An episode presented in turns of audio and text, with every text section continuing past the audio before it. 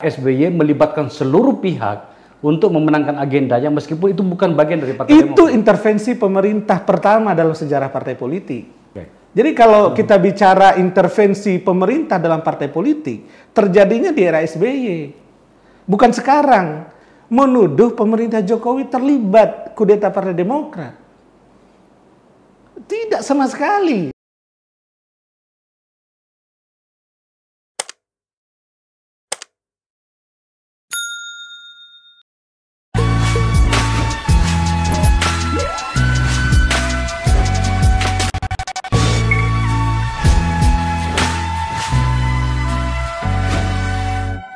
Assalamualaikum warahmatullahi wabarakatuh. Kami akhirnya memutuskan untuk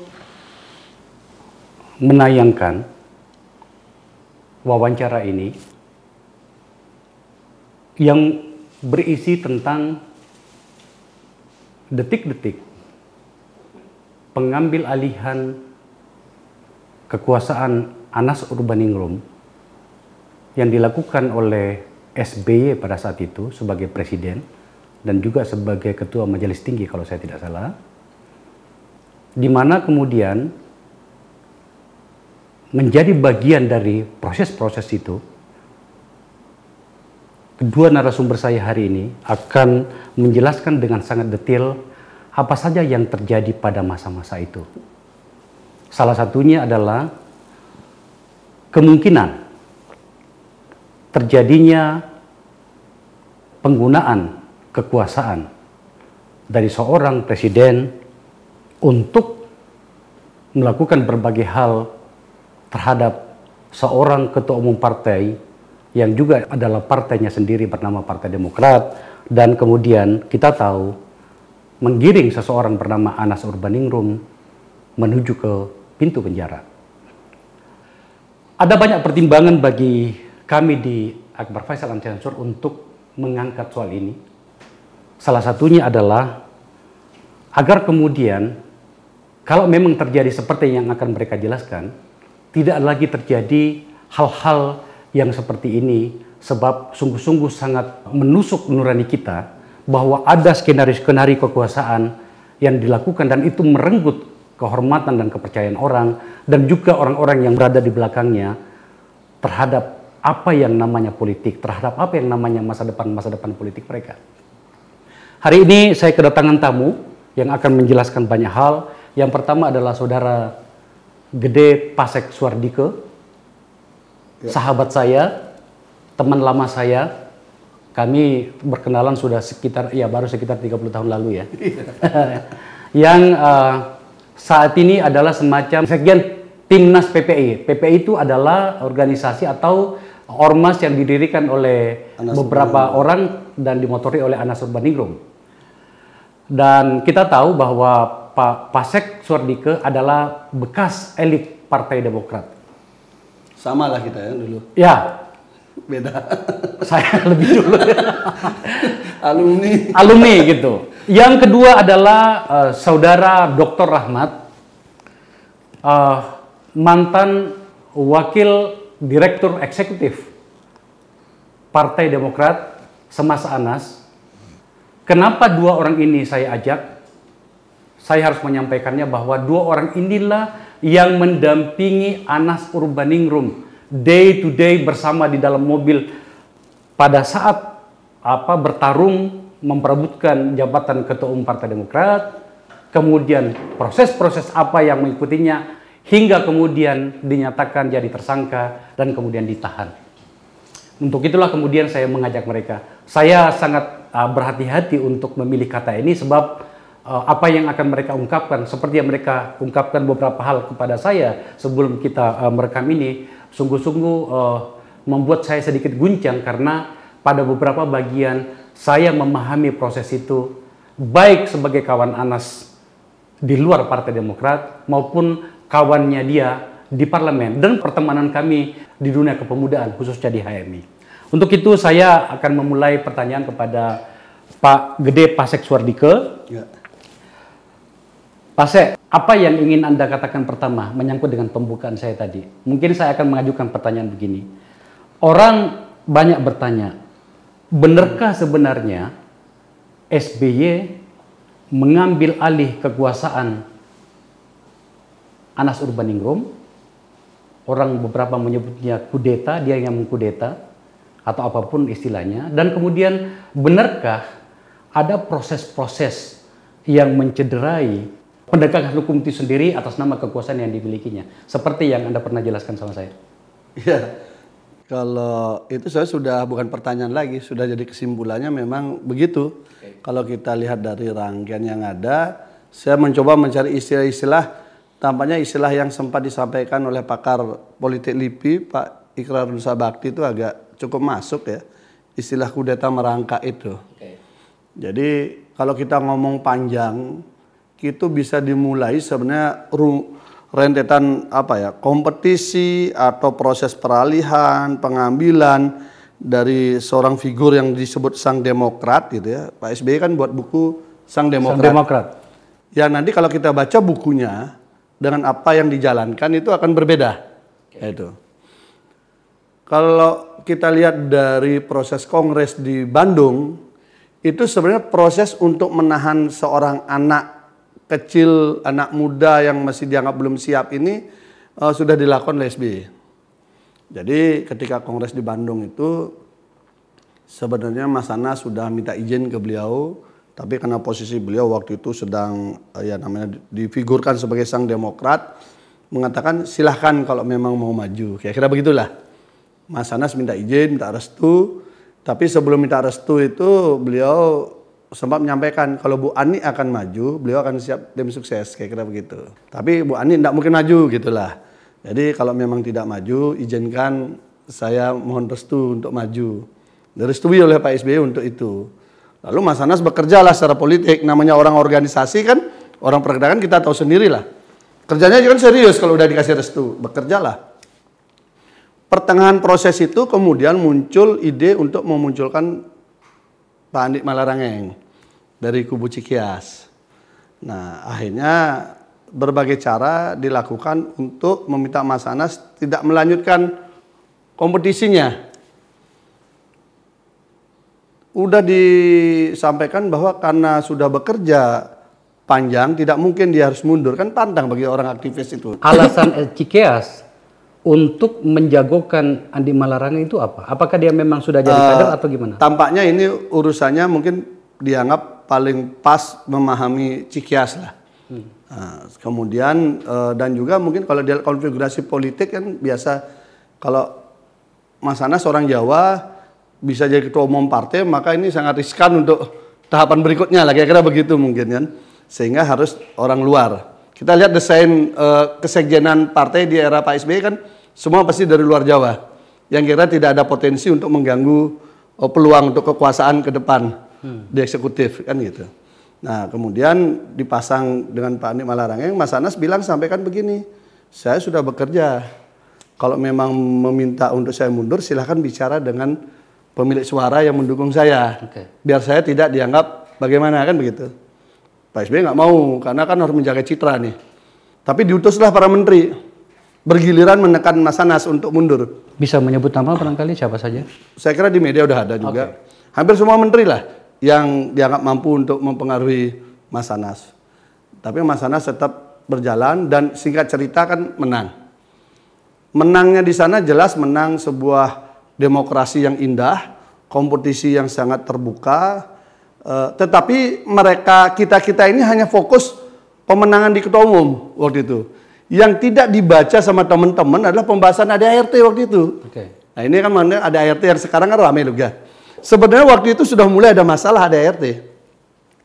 Jadi memang eh, Pak SBY sudah menyiapkan sedemikian rupa kalau barang ini lepas kekuasaan masih ada di beliau.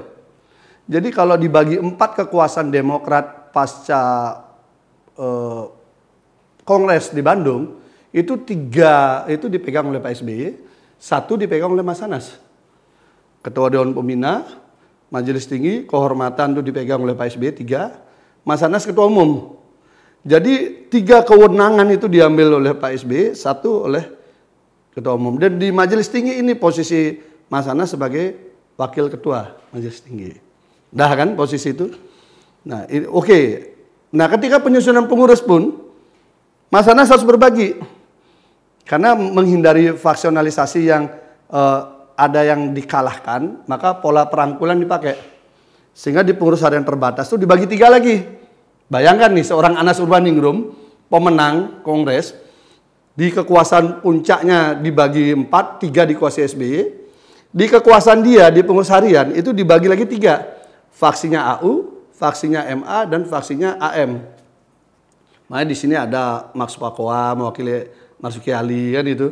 Di sini ada Ramadan Pohan. Jadi berbagilah. Sehingga kita-kita ini diminta sama Mas Anas legowo. Nggak usah masuk di pengurus harian terbatas lah. Masuk di departemen di mana. Bagi kita nggak masalah. Akhirnya kita kebagian di bawah lah kan gitu. Nah, dalam desain kepengurusan seperti itulah kemudian dinamika ini sebenarnya sudah mulai berjalan. Yang kita sering kali tidak membacanya dengan apa ya baik ya. Kompetisi ini keras ini. Pak SBY sudah mulai merasa terganggu. Muscap, Musda, apa itu selalu dimenangkan sama yang didukung Mas Anas. Kira-kira begitulah. Membuat sedikit gundah Pak SBY kan. Apalagi masuklah ya para menteri ini kan kerjanya tiap hari kan mengatakan hati-hati Anas, hati-hati Anas kan gitu ya.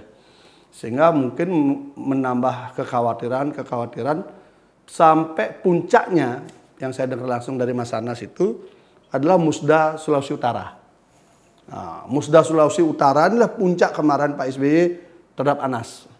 Beliau sampai mengirim BBM untuk membuat perhitungan dengan Anas. Itu. Ada BBM. Ada waktu itu. Bunyinya seperti apa?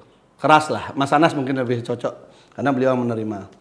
Nah, kemudian intinya pokoknya nggak terima cara Anas lah mengelola partai karena waktu itu di Sulawesi Utara beliau memasang figur almarhum Pak Sarundayan sebagai calon ketua DPD.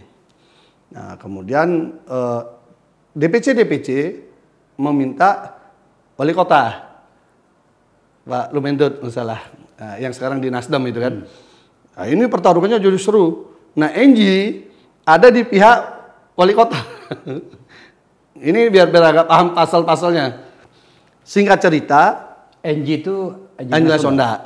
Kan dia dari sana walaupun dari Magelang dapilnya kan berperada. Johnny Allen mungkin bisa cerita nih. Iya. Karena Johnny Allen ikut turun di situ. Saya saya nggak ikut turun, tapi saya cerita dari cerita Mas Anas itu waktu saya tanya, kenapa kok jadi begini Pak SBY dengan Bap Mas Mas kan dulu kan dipercaya sekali gitu loh. Tampaknya marah gitu.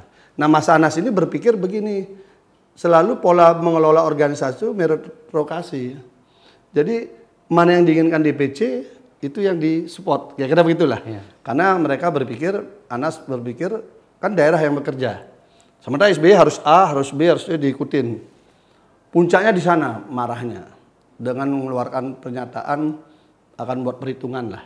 Nah, kurun waktu dari 2011 ke 2012 sebenarnya eskalasi untuk menyingkirkan Anas itu sudah muncul. Gitu. Sudah muncul ini keras. Nah, ketika kemudian Nasar masuk memainkan isu menyebut nama Anas, inilah kemudian deras sekali. Tetapi proses penyingkiran Anas waktu itu masih halus. SBY tidak langsung turun tangan. Nah, kalau saya ibaratkan ini kalau orang main bulu tangkis, ini eh, SB berusaha nyemes, main drop shot, tapi Anas selalu jawab dengan lob, lob panjang terus. Sabar yang menghadapinya gitu loh. Sampai kemudian membentuk FKPD, Forum Komunikasi Pendiri Partai Demokrat. Apakah itu dikenal di dalam Anggaran Dasar? Ada, ada. Oke. Tapi itu dibangun oleh SBY, di mana Pak Venture Rumangkang sama Pak Sultan Batugana almarhum, itu menjadi sekretaris sekjennya, Pak Venture sebagai ketuanya. Desainnya adalah menggunakan tangan para pendiri dan deklarator ini untuk menyingkirkan Anas. Kita itu baca betul itu. Lalu mereka membuat eh, kegiatan itu bulan eh, 2012 Juni 2012. Juni 2012, jadi kalau kita urut ya. Jadi dari 2010, 2011 pertarungan Musda Muscap, 2012 sudah mulai eh, kalut Pak SBY dengan susahnya mengendalikan uh, pertumbuhan politik Anas 2012 pertengahan sudah mulai penghantaman terbuka dilakukan, tetapi lewat tangan forum pendiri dan deklarator Partai Demokrat. Mereka membuatlah silaturahmi nasional di Sahid. Saya masih ingat sekali itu. Uniknya, acara itu tidak sepengetahuan ketua umum. Artinya Anas ini tidak dilibatkan dalam itu. Ini kan dalam sebuah organisasi partai politik kan undang-undang parpol kan jelas ketua umum yang pegang otoritas. Hmm, hmm, hmm. Tapi di sini SBY mencoba memberikan ruang kepada FKPD untuk tampil. Nah di acara itu SBY pidato, Anas tidak hadir. Katanya diundang lewat DPP. Nah, ini lucu memang waktu itu sudah kalau publik membaca waktu acara FKPD waktu itu itu sudah terbaca sebenarnya bagaimana skenario untuk menyingkirkan Anas dari uh, ketua umum Partai hmm. Demokrat.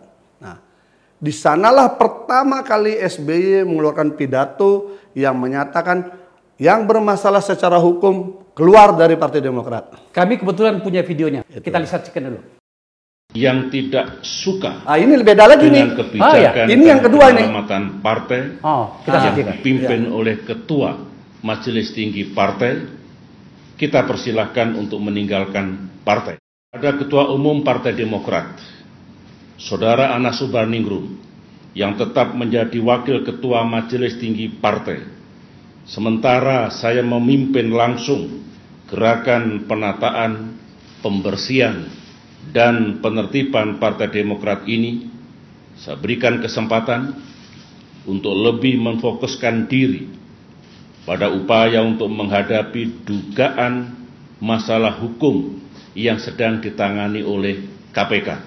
Ini Jadi, yang kedua. Ini yang kedua. Yang pertama Yang apa? pertama itu bulan Mei 2012. Okay. Ini 2013 Februari. Hmm. Jadi uh, Juni 2012 di acara FKPD di Sahid pidato SBY mirip tapi tidak nyebut nama. Hmm. Yang bermasalah secara hukum saya persilahkan untuk keluar dari Partai Demokrat. Kira-kira begitu. Kami, saya kebetulan menemani Mas Anas, kita nonton di tempat lain. Tidak hadir di acara di Said. Kami dengan berapa orang, ya ada berapa pengurus uh, teras pengurus harian juga, kita keluar menonton dari tempat lain. Kan itu acara di TV bisa kita lihat. Ya. Sambil makan-makan kita lihat itulah.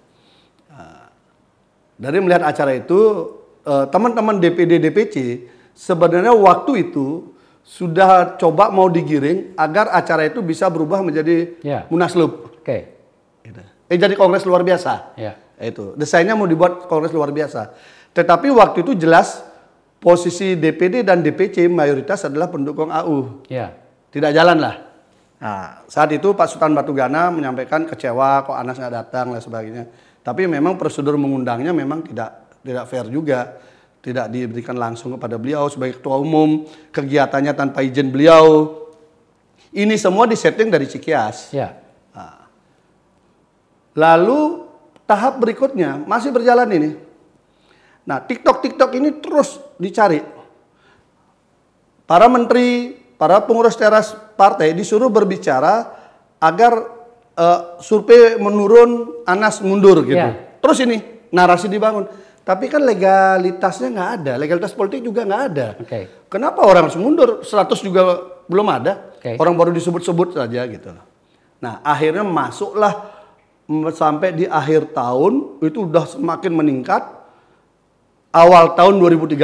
Hmm. Nah, jadi ini kalau kita runtut ini akan ketemu sekali bahwa ini memang permainan bukan pendek. Ya. Nah, masuk di bulan Februari, eh, tampaknya SB sudah nggak tahan untuk menggunakan nabok nyelih tangan lewat tangan orang lain lagi. Hmm.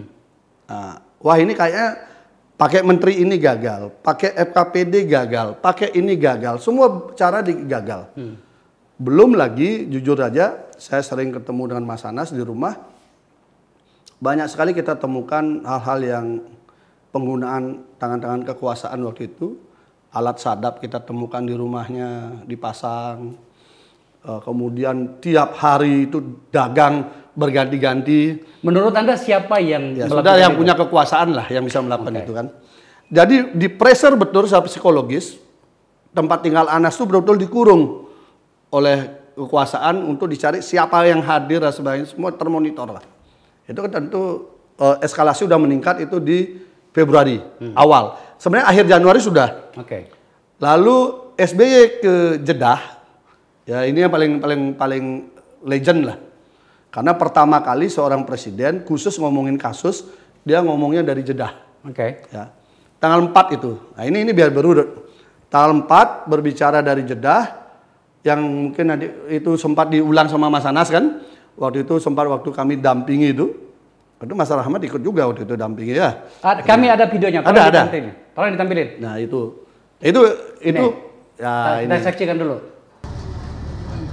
pasti eh, sahabat-sahabat ingat ada pidato politik dan hukum dari Pak SBY yang sangat monumental dari Jeddah dari tanah yang mulia istilah Pak SBY dari tanah yang mulia ini beliau eh, meminta kepada KPK untuk segera mengambil kesimpulan yang konklusif. Kalau salah ya salah. Kalau tidak salah saya ingin tahu kenapa tidak salah. Kira-kira begitulah.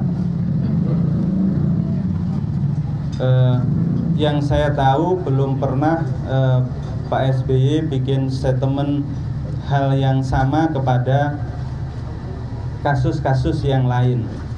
Tentu itu bermakna spesial buat saya karena waktu itu beliau adalah ketua dewan pembina ketua majelis tinggi ketua dewan kehormatan saya sebagai ketua umum. Nah beliau sedang eh, resah katanya karena elektabilitas partai demokrat turun dan ada peristiwa penting lainnya yang bernama saya menyebutnya sebagai pengambil alihan kewenangan Dewan Pimpinan Pusat kepada Majelis Tinggi. Di dalam salah satu poinnya adalah memerintahkan pada Ketua Umum saya untuk konsentrasi menghadapi masalah hukum yang saya tahu waktu itu status saya di KPK adalah sebagai terperiksa proses penyelidikan.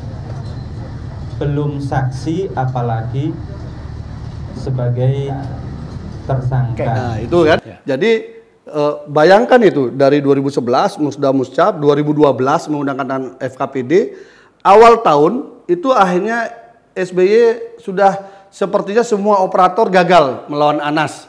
Karena dilawan dengan Anas dengan halus, tidak pernah frontal. Mas Anas ini tidak pernah frontal melawan SBY, selalu diikuti alurnya. Langgamnya beliau diikuti sehingga susah ditaklukkan. Nah akhirnya 4 Februari SBY mungkin sudah nggak tahan. Nah, di sini desain sebenarnya kalau kita sudah baca bersama-sama di Duren Sawit waktu itu, SBY sudah mendesain bersama oknum di KPK bahwa Februari harus sudah selesai ini. AU harus sudah selesai, pengambil alihan sudah bisa dilakukan. Tar dulu, ini serius. Mendesain untuk menghajar Anas dengan melakukan apa tadi?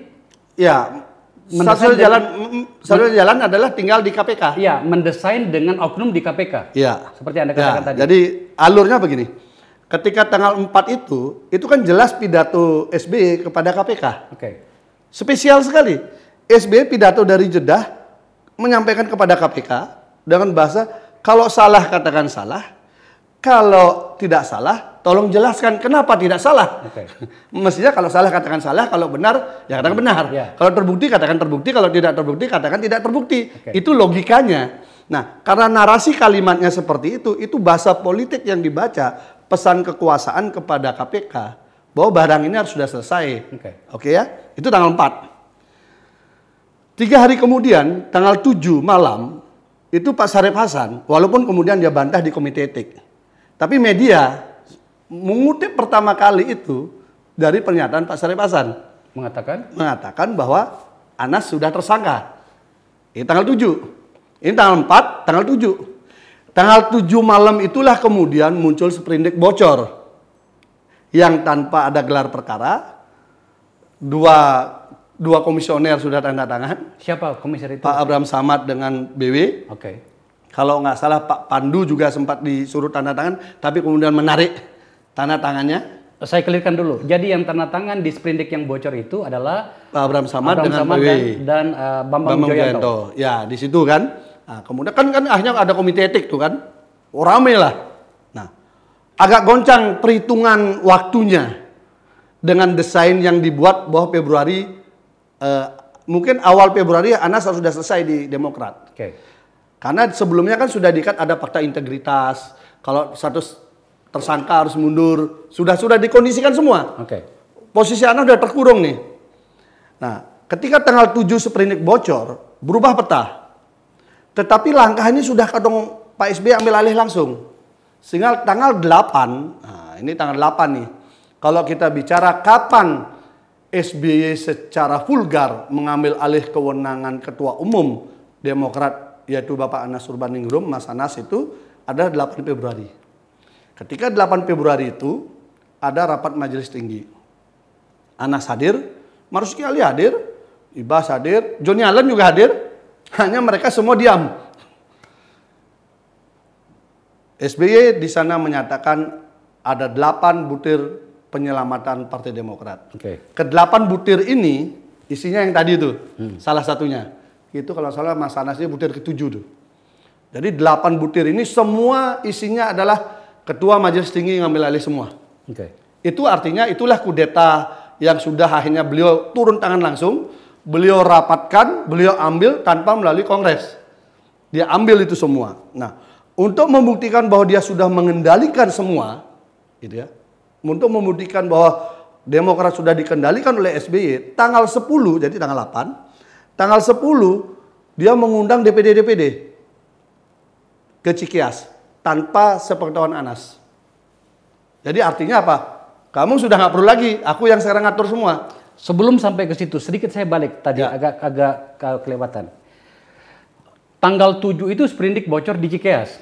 Ya artinya seprindik setelah Syarif Hasan berbicara, muncul di media, akhirnya muncullah seprindik bocor itu beritanya. Ini kan di media nih kan? Oke. Akhirnya terbuka lah akhirnya. Kemudian muncul komite etik macam-macam yang akhirnya eh, ya boleh kita katakan itu komite etik prosesnya agak melindungi komisioner kan? Pertanyaan kita sebenarnya adalah bagaimana Anda yakin bahwa sprindik itu adalah bagian dari kesepakatan yang Anda sebutkan tadi? Jelas. Tanggal 4 SBY pidato presiden dari Jeddah nyampaikan kepada KPK untuk tolong jelaskan statusnya Anas. Ini alurnya kan jelas. Tanggal 4. Tanggal 7 malam Syarif Hasan menyampaikan tapi dibantah ya, dibantah di eh, komite etik oleh Pak Syarif Hasan. Tetapi media waktu itu mengangkat, ah, tanggal 7 malam itulah kasus seprindik bocor itu muncul ke publik. Gitu. Jadi 7 malam. Tanggal 8 malam SBY memimpin kendali karena sudah goncang begitu ngambil alih langsung Demokrat, Anas non aktif. Kira-kira begitu. Anas, Anda masih wakil ketua majelis tinggi, tetapi seluruh kewenangan DPD, DPC, fraksi ada di ketua majelis tinggi. Dalam anggaran dasar, apakah Nggak majelis ada. tinggi memiliki kewenangan itu? Nah, nggak boleh. Itulah makanya disebut dengan pengambil alihan. Hanya di rapat itu hanya Mas Anas sendiri yang berbicara menolak itu. Ya, sendiri. Jadi waktu itu menurut Mas Anas, cerita Mas Anas, maunya SBY pidato membacakan 8 butir penyelamatan Partai Demokrat didampingi oleh semua majelis tinggi. Tapi karena Anas posisi menolak, maka beliau sendiri. Artinya beliau sudah langsung ambil alih nih. Ya, ngambil alih pidato isinya adalah mengambil alih semua lah. Kemudian dalam bentuk faktanya, beliau tanggal 10 bikin acara. Oke. Ini ini urutannya ketemu. 10 bikin acara jelas ini eh, ternyata belum juga tersangka nih Anas ini. Padahal seprindiknya bocor tanggal 7 kan. Logikanya kalau enggak bocor tanggal 7, mungkin tanggal 8 sudah diumumkan tersangka. Ya. Tapi sudah bocor, ternyata belum ada gelar perkara. Nah, akhirnya tanggal 10 mereka rapat dengan DPD-DPD. Di situ SBY menunjukkan bahwa saya loh yang sekarang ngatur Demokrat bukan Anas. Dan Anas tidak hadir di situ. Gitu ya. Tapi Anas ini pinter mainnya. Tanggal 9 Anas bikin acara di Lebak. itu acara Iti Octavia yang yang mau nyantet Pak Muldoko itu. Oh, bikin bikin acara di situ. Pelantikan PAC atau apa gitu loh. Jadi anak saya kan mainnya ngelawannya begitu. Aku masih eksis loh jadi ketua umum. jadi tanggal 9 dia main di situ. Tes. Tampil acara apa tanggal 8 dia ambil alih, tanggal 9 dia bikin acara gitu, tanggal 10 SBY ngumpulin DPD. Anas nggak diajak. Berhenti sana tidak. Lalu tanggal 14, nah ini sebenarnya reaksi rencana ke arah Kongres luar biasa. Kita membacanya waktu dari Duren Sawit begitu. Jadi SBY mendesain ketika kewenangan ada di majelis tinggi, dia mendesain Rapimnas. Rapimnas yang nanti bisa kemudian dikembangkan menjadi KLB. Itu. Itu bacaan kita di Duren Sawit. Undangnya lucu. Tanggal 14 itu undangan itu ditandatangani oleh sekretaris Majelis Tinggi dan sekjen DPP Partai Demokrat. Jadi yang tanda tangan Pak Jerwace dan Ibas. Di mana organisasi seperti itu? Kalau memang Majelis Tinggi ngambil kan mestinya Pak SBY tanda tangan sama Jerwace dong. Sebagai sekretaris kan Pak SBY ketua Majelis Tinggi. Ini enggak, Pak SBY ingin bersih juga tangannya. Jadi yang undangan itu dilakukan Jerwace bersama Ibas. Ibas sebagai sekjen. Sekjen DPP. Jadi tulisannya surat itu undangan kepada pemilik suara dan tidak boleh diwakilkan. Ngerti kan?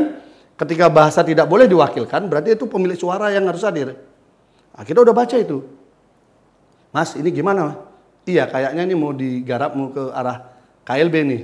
Rapimnas ini. Tetapi kan statusnya Mas Anas waktu itu belum juga jadi tersangka. Ini Pak tampaknya bikin SBY gregetan nih sama KPK nih. Nggak nggak imbang ngikuti. Ya gara tanggal 7 seprindik bocor, jadi ini belum keluar. Nah, akhirnya tanggal 17, ini jadi 14 bikin surat, tanggal 17 bikin rapimnas, kita sudah hitung. Di tanggal 17 ini, eh, antara 14 sampai 17 kemungkinan besar Anas akan jadi tersangka nih. Sehingga ketika acara tanggal 17, itu sudah eh, posisi segera diganti, kayak-kayak gitu kan. Nah, ini setting lah, jalan. Nah waktu itu kita sudah berpikir kalau memang diubah menjadi KLB bisa jadi hasilnya terbalik. SBY yang diberhentikan jadi ketua dewan pembina. Hmm, waktu itu kita sempat siap-siapkan itu Pak Mubarok malah waktu itu. Ya, kita ya. waktu itu ngomong sama Mas Anas kan. Ya, Ahmad Mubarok. Ya, jadi gimana nih Mas kalau begini? Ya udah kita tanya teman-teman DPC DPD aja nanti.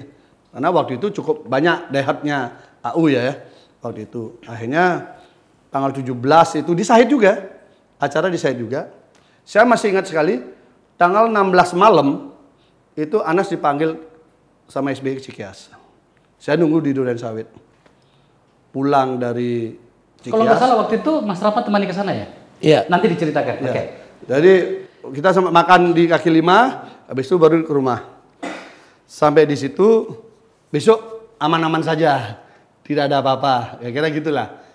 Lalu saya diwawancari wartawan pas keluar sekitar jam setengah dua jam dua dini hari lah itu diwawancari wartawan saya sampaikan besok biasa-biasa saja. Kita kan biasa apa pun ada di dalam internal Demokrat waktu itu kita tidak pernah umbar keluar. Padahal ini sudah sangat keras sekali nih. Jadi skenario itu sudah skenario lawan skenario nih. Jadi SBY membuat skenario Rapimnas yang ditandatangani Jero Wacik sama Ibas. Ibas. Kemudian itu akan dibuat eh, kalau nanti pertengahan jalan tuh Anas tersangka akan jadi ini. Sampai tanggal 16 malam belum juga tersangka. Maka tanggal 17 acara itu menjadi acara biasa-biasa saja. Seperti nggak ada apa-apa. Anas hadir. Kenapa menurut Anda kenapa KPK waktu itu belum Ah, itu belum tahu. Nah, Oke. kemudian setelah selesai Rapimnas, mungkin tekanan seperti itu, Anas baru ditersangkakan tanggal 22 Februari. Artinya eh, berapa hari dari setelah Nah, lima harian. Lima harian. Nah, jadi eh, setelah tanggal 17, lima harian baru jadi tersangka. Jadi tersangka tanggal 22 Februari. Jadi bayangkan dari tanggal 4 ini, dinamikanya sangat tinggi. Hanya tanggal 22 Februari menjadi tersangka. Lalu besoknya Mas Anas mundur. Berhenti, menyatakan berhenti sebagai komitmen tanda tangan fakta integritas yang memang dibuatkan kan. Yang fakta integritas, itu ternyata kan tidak dijalankan sekarang. Iya. Mereka yang terlibat pun sekarang jadi pengurus kan. Siapa saja? ya adalah nanti biar Mas Rahmat lah yang terlibat. Oke, oke. Nah itu kan. Nah, tanggal 22 Februari jadi tersangka. 10 Januari baru diproses kasusnya. Hampir 11 bulan. 10 bulan lebih. Didiamkan. Tapi kekuasaannya Anas di Partai Demokrat udah berhasil diambil. Jadi proses pengambil alihan ini Sepu- panjang. Nggak, sep- bukan, saya mau perjelas soal ini. Jadi tersangka tanggal 22 Februari, 22 Februari 2013 13. 10 Januari 2014 baru 14 diproses. berproses. Artinya ada masa jeda Panjang. 10 bulan. Ya, karena itulah kita membuat PPI ini. Sehingga Mas Anas tampil ke mana-mana dengan PPI. Oke. Yang kemudian oleh Pak SBY dikatakan Mas Anas itu jahat sekali. Membuat PPI itu dibuat jahat sekali. Oke. itu kisahnya. Jadi kalau kita bicara yang eh, kudeta-kudeta sekarang ini, sebenarnya yang gaya-gaya Pak Muldoko ini, ya ini mungkin kan eh, lebih pendek. Kalau yang dilakukan Pak SBY dengan Mas Anas ini Terstruktur ya? panjang sekali. Oke, Karena dilawan TikTok sama Mas Anas. ya, sampai di situ. Saya ke Mas Rahmat. Anda eh, mendampingi Anas secara sangat dekat, satu mobil dan mengetahui betul proses itu. Seperti yang dijelaskan oleh Pak Pasek tadi, karena Anda kan orang berdua ini eh, tidak pernah jauh dari Anas pada saat itu. S- kita pengen tahu bagaimana prosesnya, kenapa sampai kemudian Anas diperlakukan seperti ini.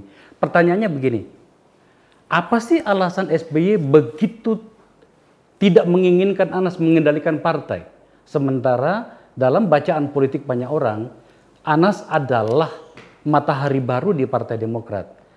Mungkin juga sekaligus Anda menjelaskan proses-proses pada saat apa itu kongres itu, apa yang terjadi, termasuk keterlibatan intelijen katanya yang mencari di mana pintu untuk masuk untuk merusak Anas, yang konon kabarnya masuk lewat istrinya, seperti yang Anda jelaskan kepada saya sebelumnya. Silakan.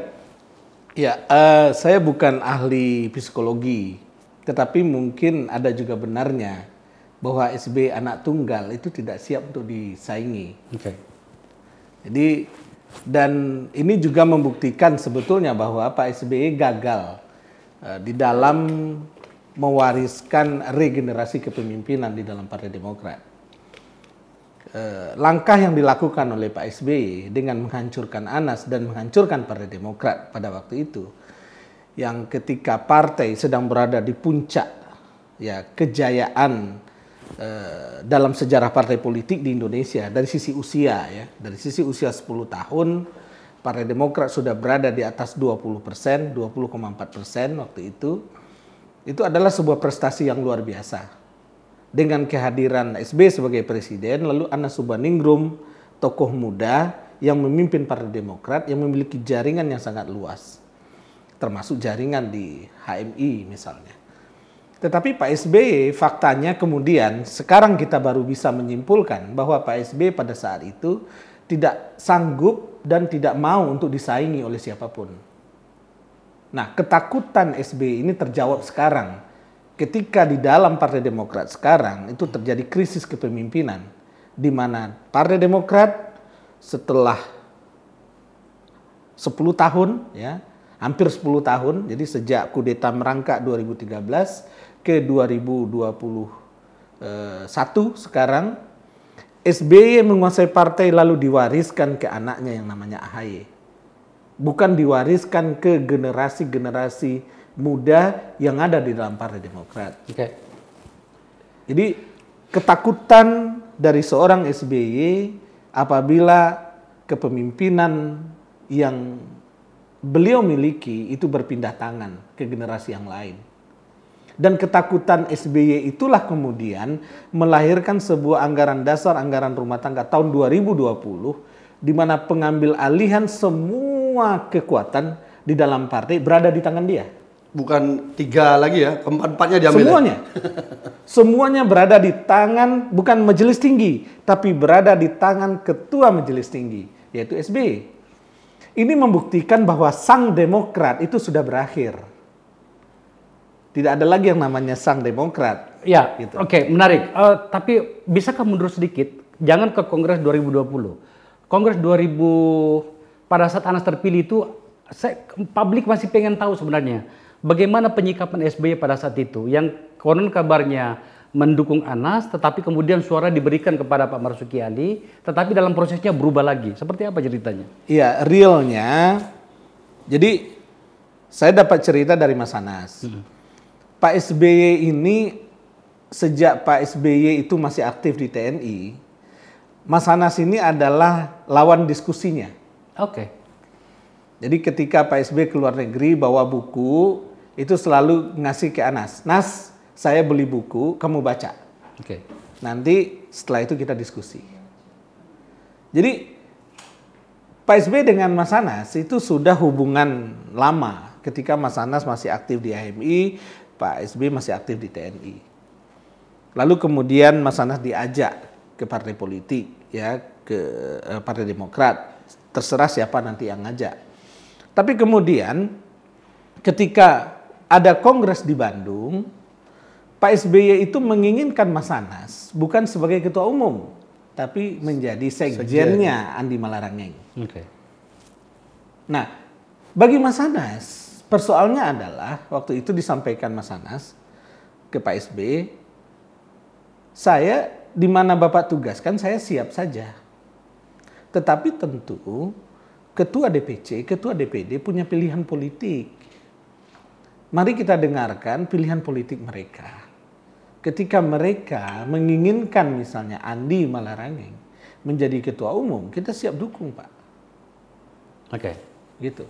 Di situ di situ apa letaknya demokratisnya seorang Anas Urbaningrum. Hmm. Gitu. Dan dan itu diokekan oleh Pak SBY karena dalam frame Pak SBY waktu itu Andi Malarangeng itu suaranya akan dominan di Kongres. Ya, apalagi waktu itu Andi eh, di branding oleh Fox Indonesia kan oleh Cul Malarangeng. Ya kan yang membranding Pak SBY maju presiden sebelumnya. Dan memang kalau kita ke Bandung, itu kan brandingnya Andi kan gegap gempita. Oke. Di DKI aja di depan di Jalan Sudirman apa di eh, Semanggi itu eh, bannernya Andi kan luar biasa di sana. Oke. Gitu untuk membranding itu. Tetapi faktanya ketika di Bandung pemilihan Andi kan kalah putaran pertama. Yang menang kan Anas Urbaningrum urutan tertinggi, kemudian Marzuki Ali, kemudian Andi Malarangeng urutan ketiga. Sehingga di putaran pemilihan ketua umum di putaran kedua Andi tidak bisa maju. Nah, kalau ngikut-ngikut dealnya Pak SBY dengan Mas Anas sebelumnya adalah kalau Andi suaranya kalah, maka suara Andi akan diberikan ke Mas Anas. Kalau suara Mas Anas yang kalah, maka Mas Anas akan memberikan suaranya ke Andi. Dealnya begitu dengan Pak SBY. Kenapa? Karena Pak SBY tidak menginginkan Pak Marzuki yang memimpin Partai Demokrat. Oh, oke. Walaupun pada waktu itu Pak Marzuki adalah ketua DPR RI. Tapi Pak SBY tidak menginginkan Pak Marzuki yang menjadi ketua di Partai Demokrat. Gitu. Nah, itu dealnya.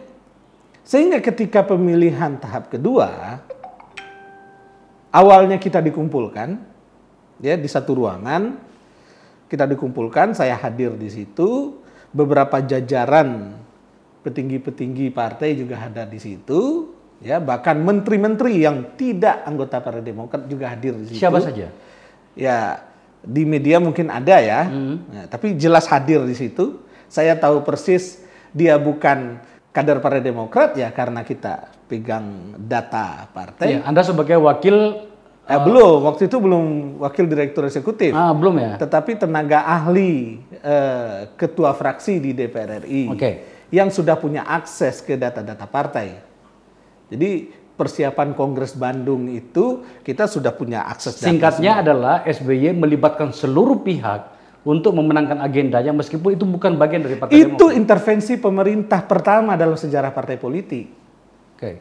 Di mana SB sebagai presiden dan sebagai ketua dewan pembina partai juga melibatkan menteri yang hadir di situ. Oke. Jadi kalau kita bicara intervensi pemerintah dalam partai politik, terjadinya di era SBY. Bukan sekarang. Makanya saya terkaget-kaget luar biasa ketika Pak SBY bicara dengan sangat apa? Dengan sangat terhibah begitu ya. Kalau kita lihat videonya, menuduh pemerintah Jokowi terlibat kudeta Partai Demokrat. Tidak sama sekali, karena saya ada di dalam untuk saat ini. Tetapi saya berani bersaksi bahwa pa- pada saat di Bandung itu pemerintahan SBY terlibat dalam urusan Partai Demokrat. Gitu. Jadi kita hadir di dalam rencananya akan ada apa pengarahan terkait barangkali perkiraan saya adalah terkait dengan peng- pe- pengarahan suara karena suaranya Andi kan kalah. Jadi pikiran saya adalah suaranya akan dialihkan ke Anas. Tapi mungkin ada deal politik gitu sehingga kita hadir di ruangan itu tidak jauh dari arena kongres. Nah, ketika kita hadir di situ nunggu setengah jam tidak ada apa-apa lalu kita bubar. Begitu kita bubar, saya ngelihat sekilas Pak Marzuki dengan Andi Malarangeng di lift. Lalu saya kasih tahu Mas Anas, Mas, sepertinya dealnya bukan dengan kita. Mas Andi dengan Bang Andi dengan Pak Marzuki, saya barusan lihat, saya bilang gitu. Dan memang ketika pilihan kedua, Pak SBY, ya Andi Malarangeng memberikan suaranya ke Pak Marzuki Ali. Nah, faktanya memang tetap kalah, ya kan? Mas Suaranya Anas. waktu itu suaranya Andi hanya 15 yang lari ke Anas. Ya. Kalau dalam hitungan kita di atas kertas, penambahan suara ya. Jadi dari kita kan sudah punya mapping suara Mas Anas eh, di seluruh Indonesia itu DPC DPD-nya mappingnya kita siapa saja. Lalu dari mapping itu ada tambahan suara 15. Nah, perkiraan kita adalah yang 15 ini adalah suara dari Mas Andi, Abang Andi Malarangeng yang pindah ke kita. Dari 85 suara ya. Itu. Jadi ini terjadi pada saat itu saya berkesimpulan bahwa inilah pengalaman pribadi kami di mana Pak SBY mulai tidak memenuhi janjinya. Jadi konse, kon, apa, konsensus yang dia sampaikan tidak dia tepati sama sekali. Oke, saya eh, masuk pada bagian yang krusial tadi ta- sebagian sudah Pak Pasek sudah menjelaskan soal bagaimana pengkondisian melalui mekanisme KPK oleh SBY. Anda punya informasi kan tentang bagaimana awalnya sebenarnya Anas dijerat dengan masalah hukum yang awalnya tidak ketemu, dicari di mana, dicari di mana nggak ketemu, Ter- ternyata ketemunya di mobil dan itu awalnya adalah mempertengkarkan istri eh, dua tokoh di di Partai Demokrat. Ya. Gimana ceritanya? Jadi em, kemenangan Mas Anas di Bandung, lalu kemudian Mas Anas memimpin Partai Demokrat, dan kita di internal menyarankan Mas Ibas sebagai sekjen, tujuannya adalah untuk mengakomodir semua kekuatan agar tidak muncul eh, faksi-faksi di dalam Partai Demokrat. Dan itu dilakukan oleh Mas Anas. Sehingga kalau kita lihat jajaran pendukung Mas Anas itu di kepengurusan Partai Demokrat tidak Mulai berada di ring sedikit, satu. Kebanyakan di ring 2. Semuanya ring 2 dan ring 3. Oke. Misalnya Saan ya, Saan berada posisinya adalah wasekjen. Saya yang selalu menampingi Mas Anas ke seluruh Indonesia. Posisi saya di wakil direktur eksekutif. Tidak ada yang pendukung Mas Anas itu adanya di wakil ketua umum, di sekjen misalnya. Selalu kita ditaruh di ring 2 dan kita legowo itu. Karena sasaran kita bukan jabatan. Sasaran kita pada waktu itu adalah bagaimana proses demokrasi ini betul-betul tumbuh di dalam Partai Demokrat yang diawaki oleh seorang Anas dan di belakangnya ada Pak SBY sebagai patron. Itu yang menjadi dasar gitu. Nah, tetapi kemudian proses yang kita eh, idealkan itu bagi SBY tidak bisa diterima. Tidak bisa diterima ditambah dengan perkembangan-perkembangan politik ya gaya anak muda yang tidak bisa diikuti oleh SBY Oke. gitu yang tidak bisa diikuti oleh SBY misal ketika teman-teman iseng-iseng berhadiah ya tapi nggak sungguhan hanya iseng-iseng saja melakukan survei eh, dengan lembaga Kompas tentang urutan-urutan siapa kira-kira the next presiden karena Pak SBY udah dua periode kan Oke. Lalu muncullah hasil survei di mana Anas Urbaningrum yang tertinggi. 17 persen. 17 persen pada waktu. Dari semua tokoh yang disurvei. Baik Di internal Indonesia. maupun luar partai. Baik internal maupun di luar partai. Oke. Nah. Itu survei yang sangat membuat Ya. goncang itu. Oke. Nah, waktu survei itu di internal di Duren Sawit saya sampaikan ke Kang Saan. Saan Mustafa. Hasan Mustafa. Sekarang di Nasdem. Ada Mas Anas juga di situ. Mas sebaiknya hasil survei ini tidak muncul keluar karena ini akan menambah terbukanya luka Cikeas. Jadi internal saja. Tetapi teman-teman kan punya pemikiran lain bahwa ini tujuannya adalah untuk kebesaran Partai Demokrat dan kebesaran SBY juga. Apa kebesaran SBY? Biar sejarah mencatat, SBY sebagai presiden berhasil melahirkan sebuah tokoh di dalam Partai Demokrat yang bernama Anas Urbaningrum. Oke. Kita ngelihatnya begitu, teman-teman ngelihatnya begitu. Maka muncullah survei itu ke publik. Tetapi kita mendengar desas-desus belakangan bahwa survei yang diumumkan ini ditanggapi negatif oleh Cikeas. Nah ini pangkal muasalnya Ketidaksukaan. ketidaksukaan ditambah dengan yang disampaikan oleh Beli Pasek tadi yaitu ya pemilihan eh, apa musda di Sulawesi Utara. Eh, saya baca BlackBerry-nya itu.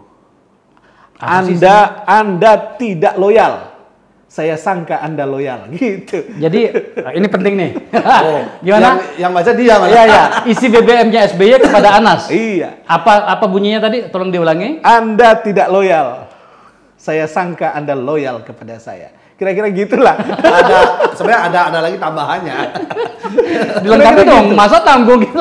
Kira-kira gitu. ya oke. Jadi jadi saya pada waktu itu kaget luar biasa ya melihat seorang sosok SBY yang waktu itu adalah yang kita agung-agungkan sebagai presiden. Kagetnya luar biasa. Masa untuk ukuran itu, ya kan, ukuran musda, kan tidak bisa dan tidak bisa hitam putihnya di tangan ketua umum. Kenapa tidak bisa hitam putih? Karena pada waktu itu kita membangun tatanan-tatanan demokrasi itu secara terbuka, secara transparan, di mana kewenangan memilih ketua daerah itu itu ada di tangan DPC DPC Itu untuk Sulawesi Utara tadi. Sulawesi Utara. Hampir semua dinamikanya begitu. Seperti Daerah diberikan betul. Diberikan Seberapa haknya suara DPP hanya segitu dimainkan Oke. tanpa intervensi. tanpa intervensi. Tanpa intervensi. Jadi, menurut hemat saya yang dilakukan oleh Anas Urbaningrum pada waktu itu ke DPC di waktu pembukaannya karena saya hadir ke Sulawesi Utara, di pembukaannya itu Anas sudah menegaskan bahwa kebesaran partai ke depan itu penting, memilih tokoh untuk memimpin partai di Sulawesi Utara penting, pilihlah yang kira-kira bisa mengakomodir, yang bisa membesarkan partai, yang komunikasinya lancar ke bawah, Lalu kebebasan memilih diserahkan kepada DPC. Oke. Bagi SBY itu diterjemahkan adalah tidak loyal. Artinya adalah SBY secara tidak langsung memaksa Anas untuk mengintervensi proses demokrasi di dalam Partai Demokrat. Oke, sampai di situ. Menarik. Tadi sudah dijelasin. Bagaimana dengan proses-proses hukum yang tadi sudah dimulai oleh uh, Pasek tadi? Jadi akumulasi-akumulasi ketidaksenangan Pak SBY kepada Anas Urbaningrum itu berujung kepada kriminalisasi kalau menurut saya. Kenapa berujung kriminalisasi? Karena kita lihat misalnya kalau dilihat rekaman media ya, di mana Pak SBY meminta Hambalang itu diaudit BPK dan minta hasil auditnya diumumkan ke publik, ya kan? Diminta misalnya di DPR RI masalah Hambalang ini dikaji betul. Lalu keluarlah hasil audit BPK. Ketika hasil audit Hambalang dikeluarkan, yang muncul bukan nama Anas kan. Jadi kegagalan-kegagalan pembangunan Hambalang yang muncul adalah nama-nama yang tidak ada kaitannya sama Anas. Hmm. Clear itu. Oke. Ini membuktikan ada intervensi Pak SBY terkait dengan hal itu. Masa seorang presiden harus bicara audit hambalang? Padahal itu kan bukan kaplingnya seorang presiden, misalnya. Oke. Nah, saya menerjemahkan bahwa ada upaya penggiringan opini publik ke situ. Satu. Yang kedua, pemberitaan tentang Anas masifnya luar biasa di media waktu itu di mana Pak SBY adalah ketua dewan pembina Partai Demokrat dan presiden. Dan kita tahu, kita sama-sama sama-sama tahu bahwa ada yang namanya rumus framing media. Oke. Jadi media memang di framing pada waktu itu untuk memberitakan seorang Anas Urbaningrum, ketua umum Partai Demokrat, yang ketua dewan pembinanya adalah SBY, tetapi dibiarkan ketua umumnya ditabokir rame-rame oleh publik. Gitu. Itu keanehan yang luar biasa kalau kita lihat dalam rumus komunikasi Iya. politik. Terus gimana dengan apa di mana titik pertemuan antara Pak Anas dengan Pak Nasarudin yang kemudian berujung pada peristiwa yang dihadapinya itu? Ya, sederhana saja menerjemahkan. Ini kan rumus ya, rumus dalam tanda kutip rumus intelijen ya. Eh, kontraflow kan. Bagaimana kita mencari kelemahan seseorang? Caranya adalah dengan mencari dia paling dekat dengan siapa. Oke. Rumusnya kan begitu saja. Jadi kalau ingin menghancurkan seseorang jangan jauh-jauh, cari aja teman dekatnya. Istrinya. Iya kan? Siapa teman dekatnya? Teman satu tempat tidur. Bagaimana caranya? Ya, ciptakan misalnya isu selingkuh, hancur, ya kan? Apalagi teman dekatnya, gimana? Ciptakan misalnya isu pengkhianatan. Kan banyak cara ya di di dunia intelijen itu. Dan cara-cara seperti itu yang menurut hemat saya yang dilakukan pada masa itu untuk menghancurkan Anas Urbaningrum. Seperti apa? Ya, kalau kalau yang saya ikuti perkembangannya itu masuk dari istri ya. Masuk dari istri. Jadi dari awal-awal saya udah infokan ke Mas Anas, saya infokan ke Mas Nazar juga. Ini akan ada konflik antar keluarga yang akan diciptakan oleh orang luar yang berujung nanti akan ada yang namanya pergesekan, pergesekan gitu. Dan akhirnya disadari memang. Nah, karena itu saya angkat topi kepada dua tokoh ini sekarang ketika Mas Anas memberikan maafnya ke Mas Nazarudin. Eh, Sebentar, saya belum sampai ke situ. Seperti apa sih k- kisahnya tentang istri segala macam? Di mana hubungannya dan pada masalah apa gitu? Yang kemudian ternyata membesar menjadi sebuah skandal yang luar biasa mengantar Anas menusuk ke masuk ke penjara. Ya kalau kita runtut ya, kalau kita runtut, bagaimana langkah-langkah merusak hubungan harmonis Anas Sumadingrum dengan Muhammad Nazarudin? Itu kan dirusak dulu hubungannya dengan berbagai macam masukan-masukan yang diberikan, masukan ke Anas yang diberikan, masukan ke Nazarnya diberikan, tapi tidak mempan, Oke. tidak mempan. Karena yang satu punya jiwa pemaaf yang luar biasa, yang satu punya keterbukaan yang luar biasa. Jadi kalau ada yang nyangkut-nyangkut langsung ditanya. Nggak mempan. Lalu apa yang dilakukan kemudian? Mencari-cari cara. Ya kan kalau kita lihat kasusnya, itu kasusnya Pak Wafid kan. Sekjen Ya. Kemenpora yang kemudian tertangkap KPK di ruang kerjanya. Ya kan? Yang di dalam ruangan kerjanya sendiri di Kemenpora. Itu luar biasa menurut hemat saya. Di mana luar biasanya? Ya, ketika KPK pada waktu itu punya akses langsung ke dalam ruang kerjanya Wafid Muharam. Yang menterinya waktu itu adalah Andi Malarangeng. Oke. Anda ingin mengatakan informasi tentang semua itu berasal dari menterinya? Sulit kita mengatakan iya, tetapi sulit juga kita untuk mengatakan tidak. Kenapa? Karena penguasa kantor waktu itu adalah menteri tentunya. Tapi menurut hemat saya, yang bukan ahli hukum, yang juga bukan ahli intelijen, ini adalah pintu masuk ke Muhammad Nazarudin untuk memecah kongsi tadi. Oke. Yang kemudian mencari-cari cara untuk mentersangkakan. Ya, tadi yang soal istri itu seperti apa? Kita butuh kejelasan. Karena uh, ini apakah memang sebuah pola atau bagaimana kita pengen tahu. Istri Anas dengan istri uh, Nasar ya. Seperti apa yang Anda jelaskan? Coba diulangi kembali. Saya anu agak-agak confusing di situ.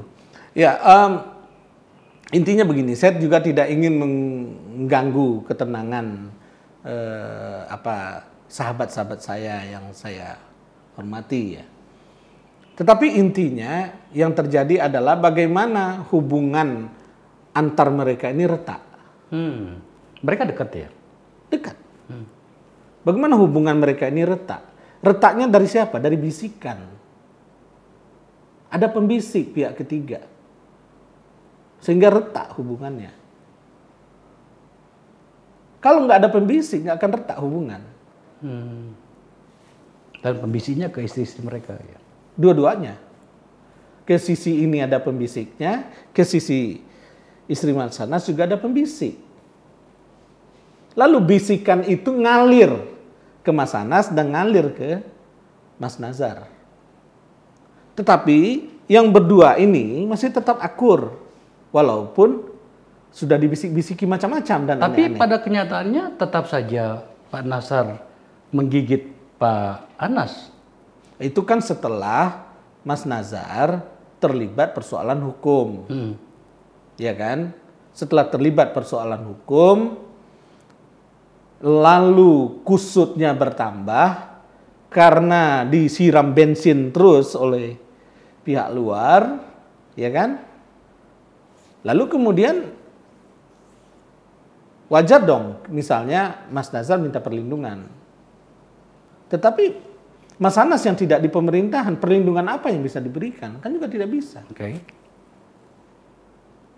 Gitu. Nah, menurut hemat saya ini adalah skenario yang sangat matang disusun. Kenapa saya katakan begitu? Ya karena sebelumnya saya juga bekerja di bagian intelijen. Ya rumus-rumus begitu biasa-biasa saja. Normal-normal saja. Memang untuk menghancurkan sebuah persahabatan, salah satu cara yang paling ampuh adalah dengan cara begitu. Siapa pelakunya kita nggak tahu. Tetapi yang jelas dari cara itu ada yang merasa puas dan berhasil merusak cara ini gitu. Nah, pintu masuknya dari sana. Lalu kemudian kan Mas Nazarudin dicari-cari persoalannya kan juga nggak ketemu awalnya kan dicari-cari. Tuduhannya kalau tidak salah belakangan adalah tuduhan beliau sebagai ketua eh, sebagai anggota DPR RI ngasih uang ke yang lain kan gitu tuduhannya. Iya kan? Lalu Mas Anas juga masalahnya dicari-cari. Hambalang dicari-cari, ternyata tidak ketemu. Lalu tuduhan yang terakhir apa? Dia sebagai anggota DPR RI menerima sumbangan untuk maju menjadi calon ketua umum di Kongres Bandung. Kan itu tuduhannya. Jadi bukan tuduhan korupsi korupsi proyek BUMN atau korupsi APBN. Nggak ada, nggak ketemu kan tuduhan itu. Jadi ini adalah skenario besar memang untuk mengkudeta kepemimpinan Anas di dalam Partai Demokrat. Gitu. Yang menghan- yang dihancurkan sendiri oleh sang Demokrat gitu loh. Ada tadi mengatakan antara Mas Anas dengan Pak Nasarudin akhirnya seperti apa sekarang? Kalau sekarang saya dengar, eh bukan dengar ya, cerita langsung ya dari Mas Anas ya. Mas Nazar sebelum uh, pulang dari Bandung bebas ya, beliau bertemu di Bandung. Uh, Mas Nazarudin menyampaikan permohonan maafnya ke Mas Anas dan Mas Anas juga uh, dengan tangan terbuka saling memaafkan dengan Mas Nazarudin ya saling memaafkan. Lalu mereka menyampaikan bahwa yang lalu biarlah berlalu, kita sama-sama jadi korban, kita menatap masa depan menjadi lebih baik. Luar biasa. Bagi saya itu luar biasa. Saya merinding mendengar itu Dan eh, saya tanya dengan Mas Nazarudin sekarang juga jawabannya sama. Jadi saya ketemu dengan Mas Anas ke Bandung, saya jenguk ke Sukamiskin, eh, Mas Anas menyampaikan itu, saya cross check ke Mas Nazarudin di sini apakah betul demikian. Kata Mas Nazar juga demikian. Jadi eh, ini adalah pelajaran politik yang yang luar biasa menurut hemat saya. Pak kita sebagai orang-orang muda, orang-orang yang aktivis politik, ngeri mendengarkan saya sebagai hostnya hari ini, ngeri mendengarkan cerita Anda. Bagaimana kemudian kekuasaan dipakai untuk memukul dengan melalui mekanisme penegak hukum. Waktu itu Anda sangat keras berbicara tentang ini. Apalagi Anda kan pernah memimpin Komisi 3 pada saat itu. Ada nggak cerita yang terpotong yang belum terungkap ke publik yang sudah telanjur? Ini ternyata Anda sudah membuka semuanya gitu.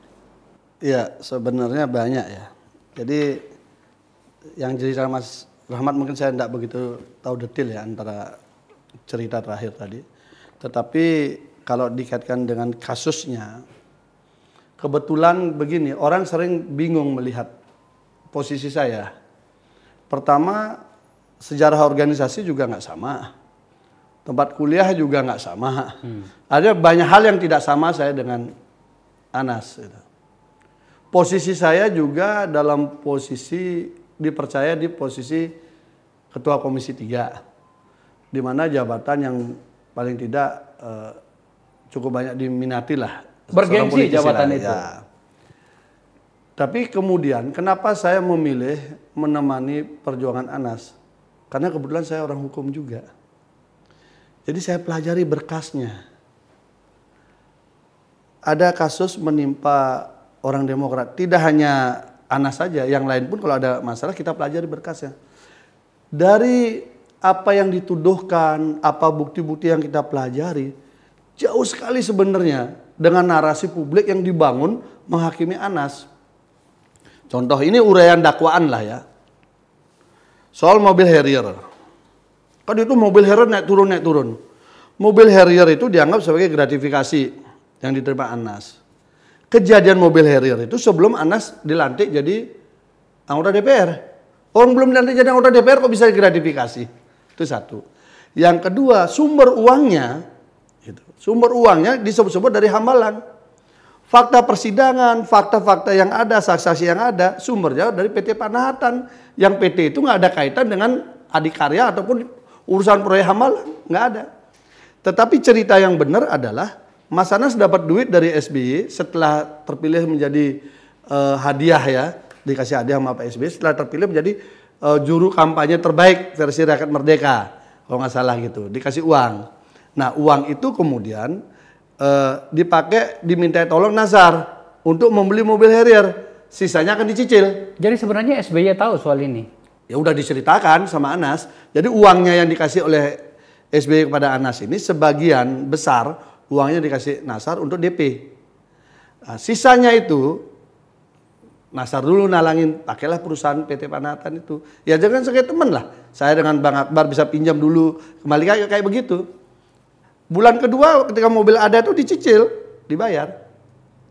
Dan kemudian karena ribut, dijual mobil itu di Kemayoran. Dan ini fakta sidang juga. Seluruh uang hasil penjualan itu dikembalikan ke Nasar. Jadi duitnya itu sebenarnya minus di Anas urusan mobil itu Harrier hilang.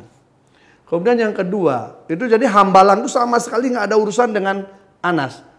Hasil audit nggak ada urusan, mobil Harrier nggak ada urusan, tapi tetap ditersangkakan kasus hambalang, gitu ya.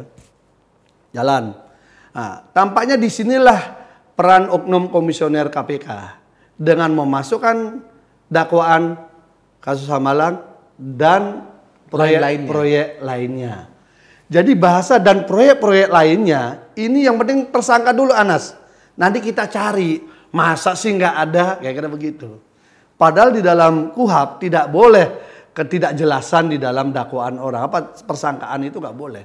Jadi harus jelas ketika masuk penyidikan di kasus apa dia itu dihukum. Tapi nggak ada urusan. Tersangka dulu 22 Februari. Walaupun Januari berikutnya baru diproses ya. Itu. Kemudian kasus berikutnya adalah eh, soal tambang di Kalimantan Timur. Isra Nur udah bercerita sama sekali tidak ada. Jadi ada empat empat jenis dakwaan. Kemudian yang kemudian disebut Mas Rahmat tadi, Kongres Partai Demokrat. Ah, jadi cerita Anas ini dihukum itu dengan nilai uang pengganti yang sangat besar, itu adalah perhitungan Kongres dipakai dengan logika yang sangat lucu sebenarnya. Jumlah DPC berapa, jumlah DPD berapa, ada saksi mengatakan terima uang terima uang sekian, dikalikanlah itu. Padahal Anas itu hanya dapat 280 suara. Tapi pengalinya 514 DPC. Angka itu jadi besar. Dari duit mana? Tidak ada fakta sidang apa pun yang menyatakan bahwa eh, itu dari proyek APBN di mana, departemen apa, kementerian apa, lembaga apa, nggak ada. Pokoknya uang, ngitungnya uang negara mana yang dirugikan nah, itu nggak ada tidak keterangan. ada. Sampai sekarang nggak ada, di putusan itu nggak ada. Nah, termasuk ketika berlipat oleh Artijo pun itu nggak ada. Itu yang membuat saya pernah ketemu Pak Mahfud MD ketika kita tweet war di di Twitter, akhirnya beliau ngundang saya. Saya saya hadirkan bersama Yulianis melihat data itu di rum, kantornya Pak Mahfud. Waktu itu beliau belum Menko Polhukam. Beliau lihat sendiri itu semua. Kaget dia lihat siapa-siapa yang terima uang. Nggak ada nama Anas di situ. Itu dokumen yang ada di KPK itu. Nah, Dokumen itu ada sama saya. Nah, itu kan tahu-tahu sendiri kan nggak ada. Nah, melihat fenomena itu, akhirnya saya berpikir lebih baik saya nemeni dia lah daripada saya ini. Nah, ada sebuah kisah. Menteri, ya saya buka aja lah sekarang. Ada Mas Akbar cerita. Pak Juruwaci, kebetulan sama-sama sekarang di Sukamiskin. Ya. saya dipanggil lah. Masa kamu datang ke rumah jabatan? Datanglah saya. Datang. Habis itu eh, saya dipanggil. Begini ya, saya baru datang dari Cikias. Ini ada pesan. Kamu segera tinggalkan Anas.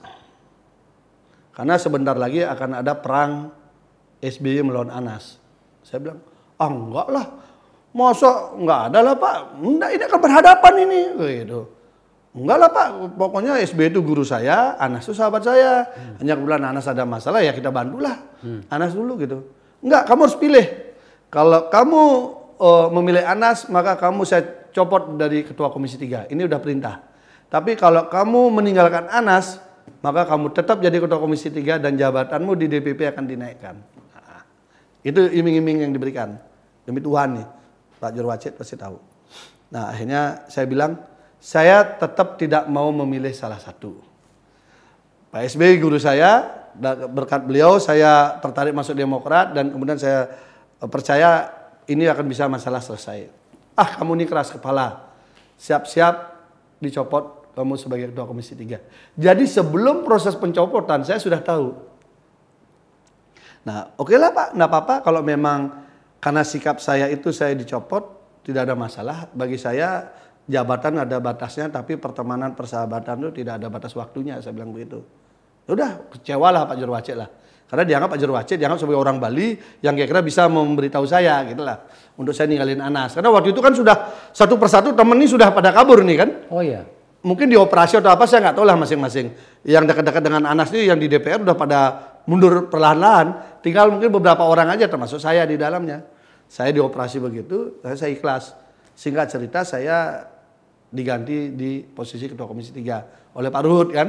Sampai tiga kali gagal itu terus. Akhirnya baru Pak Peter yang ganti. Nah, posisi itu melihat saya melihat bahwa memang desain konflik ini juga bisa saja Pak SBY dengan Anas sama-sama korban dari desain orang yang cari muka juga yang kemudian Mas Anas lontarkan politik tarasengkuni itu kan. Jadi konfliknya yang harusnya tidak perlu konflik ini dibangun oleh ini untuk mendapatkan keuntungan kekuasaan itu gitu lah.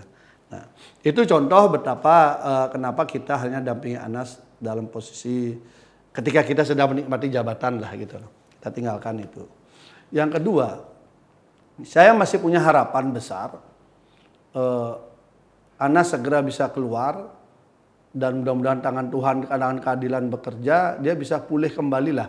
Karena anak ini adalah aset bangsa yang punya potensi merekatkan semua. Dan saya juga baru dengar dari Mas Rahmat kalau dia, ya memang beliau itu jiwa pemaafnya tinggi gitu loh.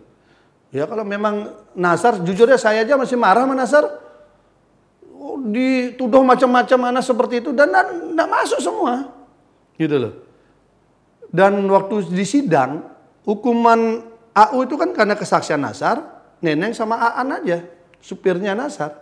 Yang lain sudah kebanyakan mencabut keterangan. Nah, sayangnya waktu sidangnya AU itu tidak seperti sidangnya Jessica yang disiarkan langsung semua. Coba disiarkan langsung semua, publik akan tahu. Rosa cabut keterangan, Clara Mauren cabut keterangan, Yulianis cerita secara gamblang apa yang terjadi. Dan semua kesaksian sangat membuat uh, sulit menghukum Anas. Karena itu kemudian hukumannya menjadi lucu. Gitu loh. Hukumannya menjadi lucu, mobil Harrier tidak terbukti, dia dihukum karena kongres.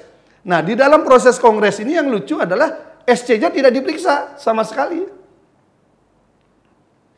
Apa pun namanya, yang namanya saksi adalah orang yang terkait dengan daerah itu kan. Karena ketua SC-nya masih bas. Oh, ketua SC-nya Ibas. Nah, saya nggak ngomong itu, dia ngomong. OC-nya diperiksa, yang lain diperiksa, ketua SC-nya tidak. Sebagai saksi saja, juga tidak, pesertanya tidak. Nah, jadi kita melihat memang ada semacam keanehan. Ukiran kasusnya ini terlalu dipaksakan kalau orang baca. Karena itu Mas Anas pernah cerita, kalau saya keluar nanti, saya ingin ada ruang diskusi untuk membedah kasus saya dengan orang-orang yang pernah menghukum saya dengan intelektual. Saya maafkan semua, tapi biar publik bisa menilai semacam eksaminasi dan beliau tidak perlu didampingi siapa-siapa. Beliau yang akan menceritakan dari dakwaan, tuntutan sampai hukuman itu seperti apa, tahapan ini semua dan kita lihat PK-nya. Betapa lama turunnya? Paling lama. PK paling lama turunlah kasusnya AU. Berapa tahun? Dua tahun lebih. Di antara semua kasus korupsi yang diajukan ke Mahkamah Agung, paling lama tarik menarik. Sebelum Idul Fitri sampai dua kali Idul Fitri lewat, belum juga turun. Nah ini ini contoh saja betapa tarik menariknya begitu kencang. Nah, saya sih berharap sebenarnya dengan posisi KPK hari ini yang mudah-mudahan bisa mengklirkan kembali itu, bisa saja kemudian dilakukan langkah-langkah untuk membantu pemulihan keadilannya. Mas Anas gitu loh. Okay. Dengan langkah-langkah itu saya kira uh, anak ini bisa kembali masuk ke dunia politik kita untuk kita sajikan pengabdiannya pada bangsa dan negara tidak dihabisi dengan cara kekuasaan seperti ini. Oke. Okay. Ini tidak bagus menurut ini saya. Kuncinya. Mas Rahmat terakhir. Uh, adakah bagian yang Anda ingin jelaskan tentang bagaimana uh, Anas itu harus berusaha untuk bertahan ketika dia dikriminalisasi selain dari apa yang anda ceritakan tadi? Um, ya karena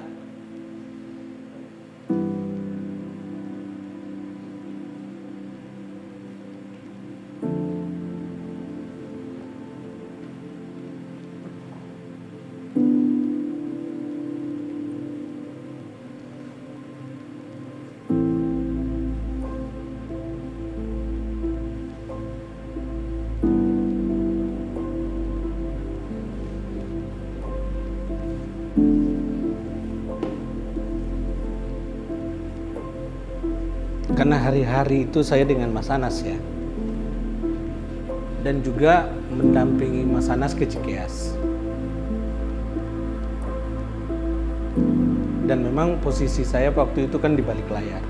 Pase lebih banyak di depan layar. Eh, jadi kita menyaksikan betul bagaimana eh, rangkaian-rangkaian kriminalisasi ini disetting, disetting sedemikian rupa untuk menghancurkan Anas gitu. Dengan berbagai argumentasi. Bisa saja publik akan menolak itu. Tetapi faktanya adalah memang itu yang terjadi pada waktu itu. Gitu. seorang ketua umum yang terpilih dengan sah, legal, dikriminalisasi oleh seorang SBY dengan berbagai alasan, eh, dengan alasan penyelamatan Demokrat dan sebagainya. Saya respect dengan Pak SBY, tetapi dalam konteks ini saya mengkritik cara Pak SBY.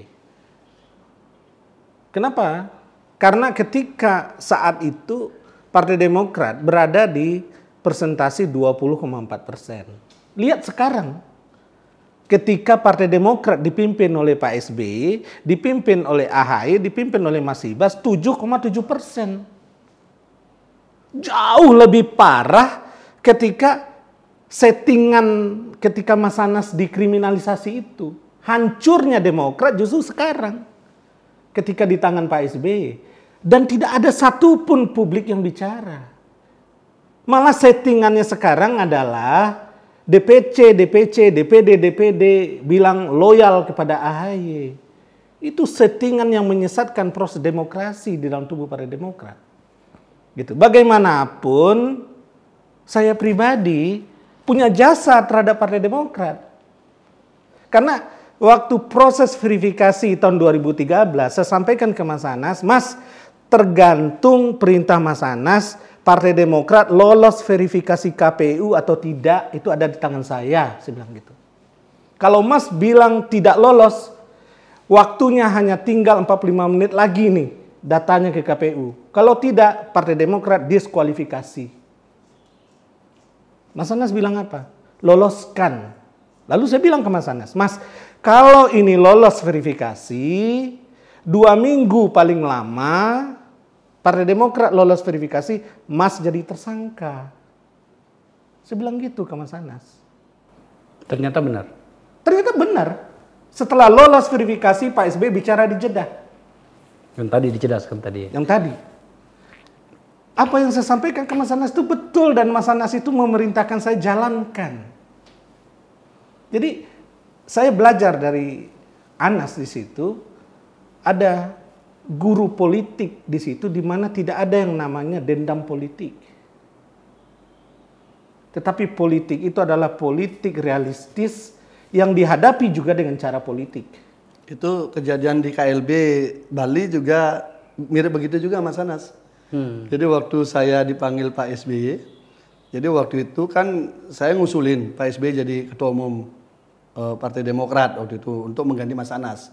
Itu saya ketemu Mas Anas, saya ngobrol, Mas gimana kalau ide begini? Karena banyak teman-teman di daerah ini kan bingung. Satu sisi apakah bedol desa pindah partai atau tetap di partai ini untuk nyaleg? Karena itu udah masuk tahapan kan? Mas Anas sudah tersangka. Boleh nggak kalau misalnya demi ini kita usulkan Pak SBY aja jadi ketua umum untuk perekat setelah selesai KLB nanti selesai pemilu kan nanti bisa lagi kongres gitu. Mas Anas, oh ya boleh gitu. Itu jiwa besarnya Mas Anas di situ. Padahal dia sudah tahu ditersangkakan dalam case begitu. Tapi yang dia pikirkan adalah teman-temannya yang loyal sama dia, yang di daerah ini biar nggak terganggu proses pencalegan. Akhirnya saya balik ke Senayan, saya undang teman-teman media.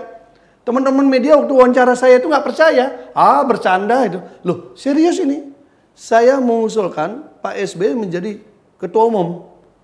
Waktu itu saya ditertawakan sama Ruhut, Marzuki Ali marah, Syarif Hasan marah, semua marah sama saya. Tapi saya waktu itu membaca sama Mas Anas, memang inilah keinginannya SBY, ingin menguasai Demokrat. Ngapain lagi basa-basi? Kita buka saja. Nah, dimuatlah berbagai media kan, timbul perdebatan, singkat cerita kemudian saya diundang ke istana. Temu kita ngobrol. Ada Bu Ani, ada Ibas, ada Pak SBY. Saya datang. Berempat? Ya, saya datang. Nah, waktu di ruangan terbuka itu apa ruangan masih di belum duduk uh, salaman apa apa semua, tapi kemudian ngomong berdua. Saya dan Pak SBY. Di dalam pembicaraan dengan Pak SBY itu, beliau nanyakan kenapa saya mengusulkan beliau jadi ketua umum. Hmm. Terus beliau nawarkan e, gimana kalau Bu Ani? Saya bilang, Pak dalam kondisi seperti ini agak sulit Pak, harus figur Bapak yang langsung mengambil ketua umum.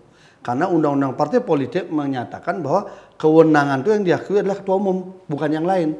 Kalau bukan Bapak yang maju, maka kami dari uh, kubu Mas Anas akan mengajukan calon. Waktu itu kita siapin San Mustafa, gitu. Uh, tinggal sekarang Bapak bagaimana bisa nggak untuk urusan Pak Hadi Utomo, karena Pak Hadi Utomo sempat juga muncul namanya lagi mau menyelamatkan, kemudian ada Pak Marsuki Ali. Nah, kalau bisa ini semua Pak eh, aklamasi, jadi bisa kita jalan. Nah, beliau akhirnya menyambut gembira. Oke, kalau begitu, waktu manggilnya ke saya Adinda lagi kan. Udah, eh, nanti kita ketemu juga di Bali. Tolong sampaikan pada Bung Anas, tolong dibantu agar proses ini lancar. Gitu. Oh iya Pak, pokoknya nanti kita satukan lagi kekuatan ya semua. Janji politik itu yang saya pegang. Bagi saya, orang yang saya idolakan, yang mengajarkan politik bersih, cerdas, santun, gentle management itu pasti yang utama kan begitu. Jadi pernyataan lisan beliau itu yang kita pegang bahwa ini akan disatukan semua. Ternyata. Nah, ketika itu saya langsung pulang ke Mas Anas, ke Duren Sawit langsung. Mas, ini posisinya Pak SBY mau jadi ketua umum. Mas Anas ketawa. Kan memang begitu maunya. Udah habis itu Mas Anas mulai teleponin daerah. Di depan saya. Kaget banyak daerah kan. Loh kok bisa dukung itu? Ya sudah, selamatin dulu partai. Di situ saya melihat Mas Anas punya jiwa yang memang melebihi takaran politisi kayak mungkin kalau kita-kita ini emosional lah. Ya kayak kita lah. Ya lebih. kayak kita kita ini lah mandangnya lebih pendek. Dia mikirnya jauh lebih panjang. Udahlah, ini kan aja. Karena teman-teman ini juga harus selamatkan dulu. Partai Demokrat selamatkan dulu. Masalah saya masih bisa kita hadapi nantilah. Dia kerja. Saya melihat semakin sayang saya meninggalkan eh, sosok Anas ini kalau saya tinggalkan jauh gitu loh. Walaupun dia sedang hadapi masalah. Singkat cerita, posisi Anas seperti itu pun masih juga dikawal di titin Intel melebihi takaran. Saya mengalami betul karena beliau ketika datang ke Bali itu by design kita semua. Gitu. Jadi seluruh penerbangan itu di, udah dicek semua. Mas Anas saya lewatkan lewat darat. lewat darat ke Bali Utara. Jadi tidak langsung ke itu. Kita nggak bayangi. Ya itu kita sembunyikan semua. Nggak ada yang tahu. Sampai suatu ketika di sebuah tempat, tempat saya digeledah, dicari polisi, intel, tentara, semua nyari. Tempat kakak dicari, pokoknya tempat saya yang di Buleleng itu semua dicari. Nggak ada yang tahu. Padahal saya udah menuju ke Buleleng nih dari Denpasar. Ketemulah dengan Mas Anas, tempat Kok yang sampai sudah muter ke Buleleng, karena memang biar nggak terlacak kan. Oh, Mas. Anas ini datang muter muter kali lewat itu. darat. Dari Banyuwangi maksudnya Iya, ke Buleleng dulu kan. Nah, Iya. di Buleleng kita tinggal sebuah tempat. eh, Di tempat itulah makan kita bawakan ke situ, biar nggak ada yang tahu. Singkat cerita, Mas Anas bilang gini, lah ngapain kita sembunyi-sembunyi beli? Kan juga sudah kita dukung Pak SBY. Kan kita nggak nggak ada urusan lagi. Udahlah kita nikmati ya. Makan malam akhirnya mulailah saya ajak ke restoran makan malam terbuka. Baru duduk di situ banyak orang minta foto kan. minta foto udah seketika keamanan datang di situ semua lah. Semenjak itu ketahuan. Di Denpasar. Di masih di Buleleng. Oke. Besoknya udah penuh lah aparat dah menjaga semua kan. Artinya kalau ngomong penggunaan eh, saya kadang-kadang ketawa ketika yang rame-rame sekarang nih ada intel nanya itu saya itu kan bagian pada intelijen polisi deteksi dini kan agar jangan ada konflik di masyarakat kan itu biasa aja yang dilakukan di Mas Anas ini lucu lebih lucu lagi tidur dikawal, dijagain semua. Saya day to day tuh ngikut jalan, satu mobil jalan. Habis itu dari situ kita ke Kintamani, ke Bebek Tepi Sawah makan. Itu lebih banyak yang jaga daripada yang makan. Habis itu kita akal-akalin lah itu Intel Melayu kan. Bola-bola Intel India. Belok-belok di Padang Gala itu kan. Akhirnya suatu ketika kita mainin lah. Mohon maaf waktu itu kita agak namanya aktivis kan. Kita mainin Mas Anas ke rumah saya dengan rombongan mobil-mobil ramai kita terbuka kan? Rumah saya sem- oh, udah mendadak udah dijaga intel semua dah. Kita mainin lah. Mas Anas tetap di rumah saya. Saya suruh ada mobil kecil datang. Salah satu ketua DPC kita jemput.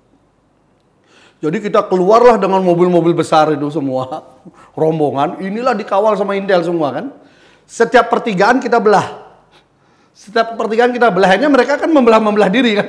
Nah, saya langsung ke eh, Bali Beach, tempat acara.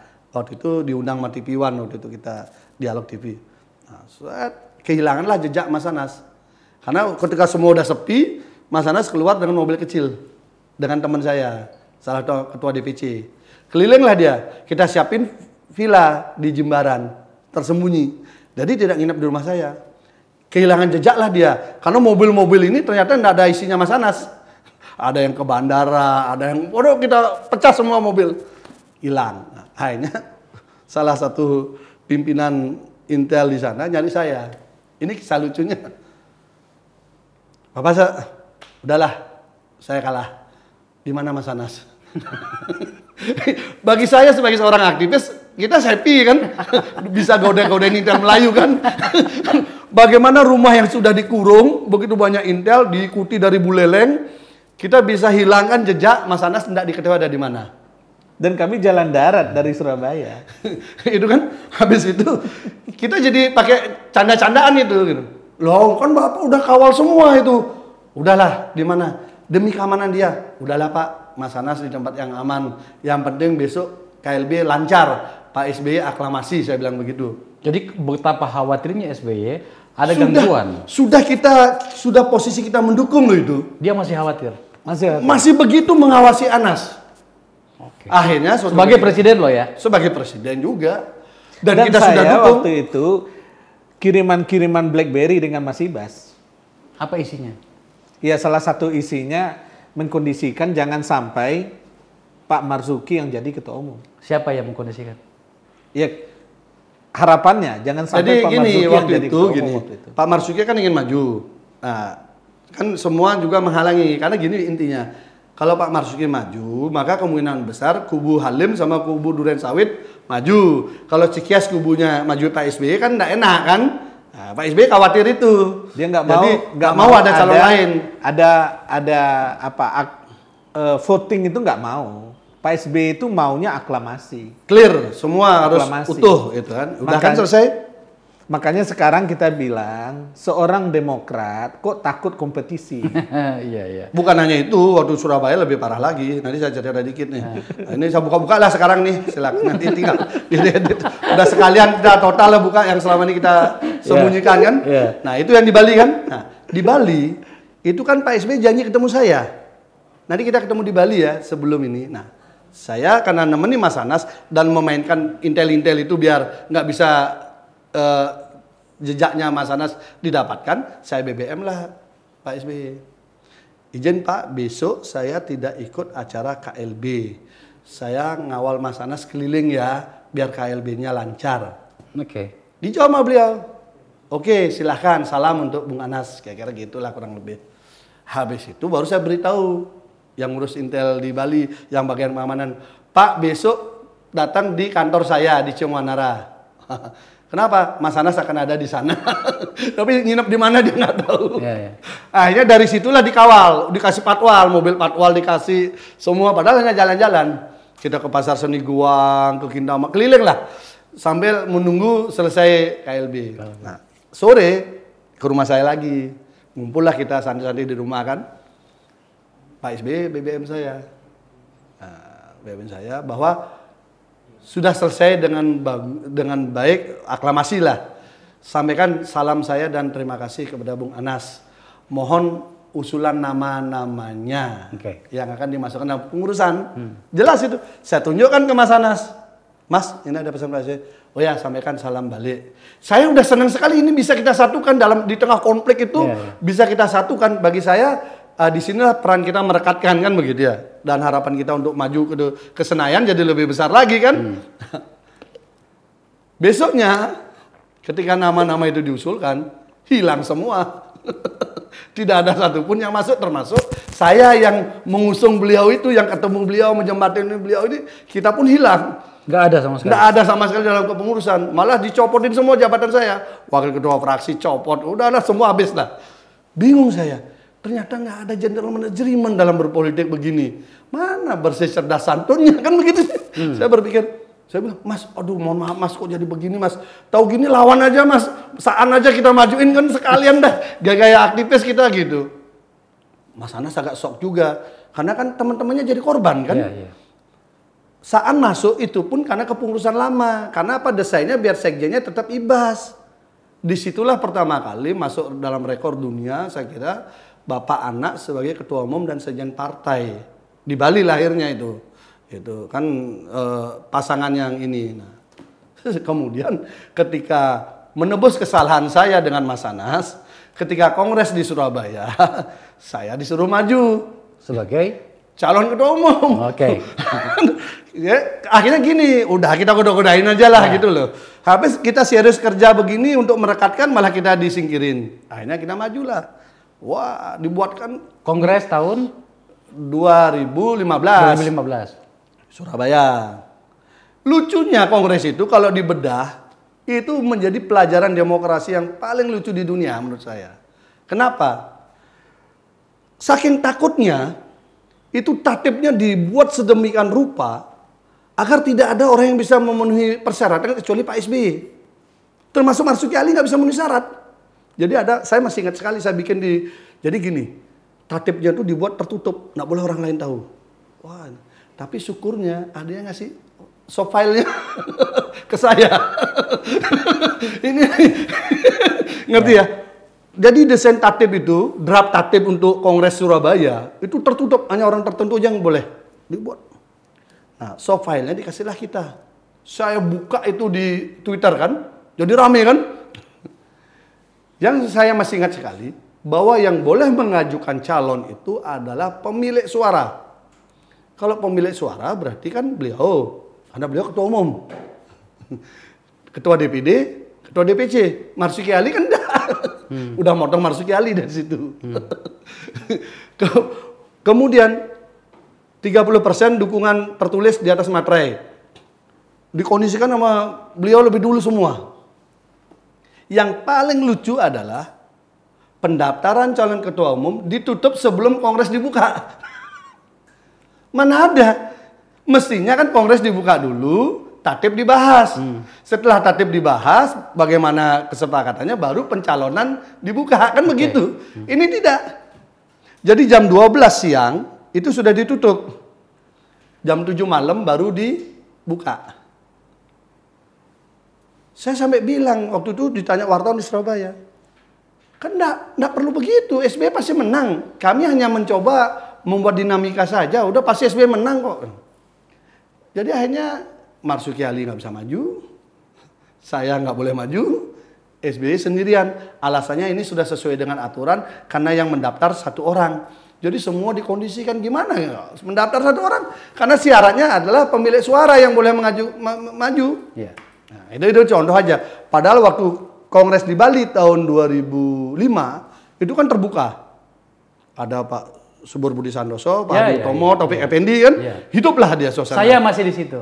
masih. Ya. Habis itu yang kedua di Bandung masih hidup juga.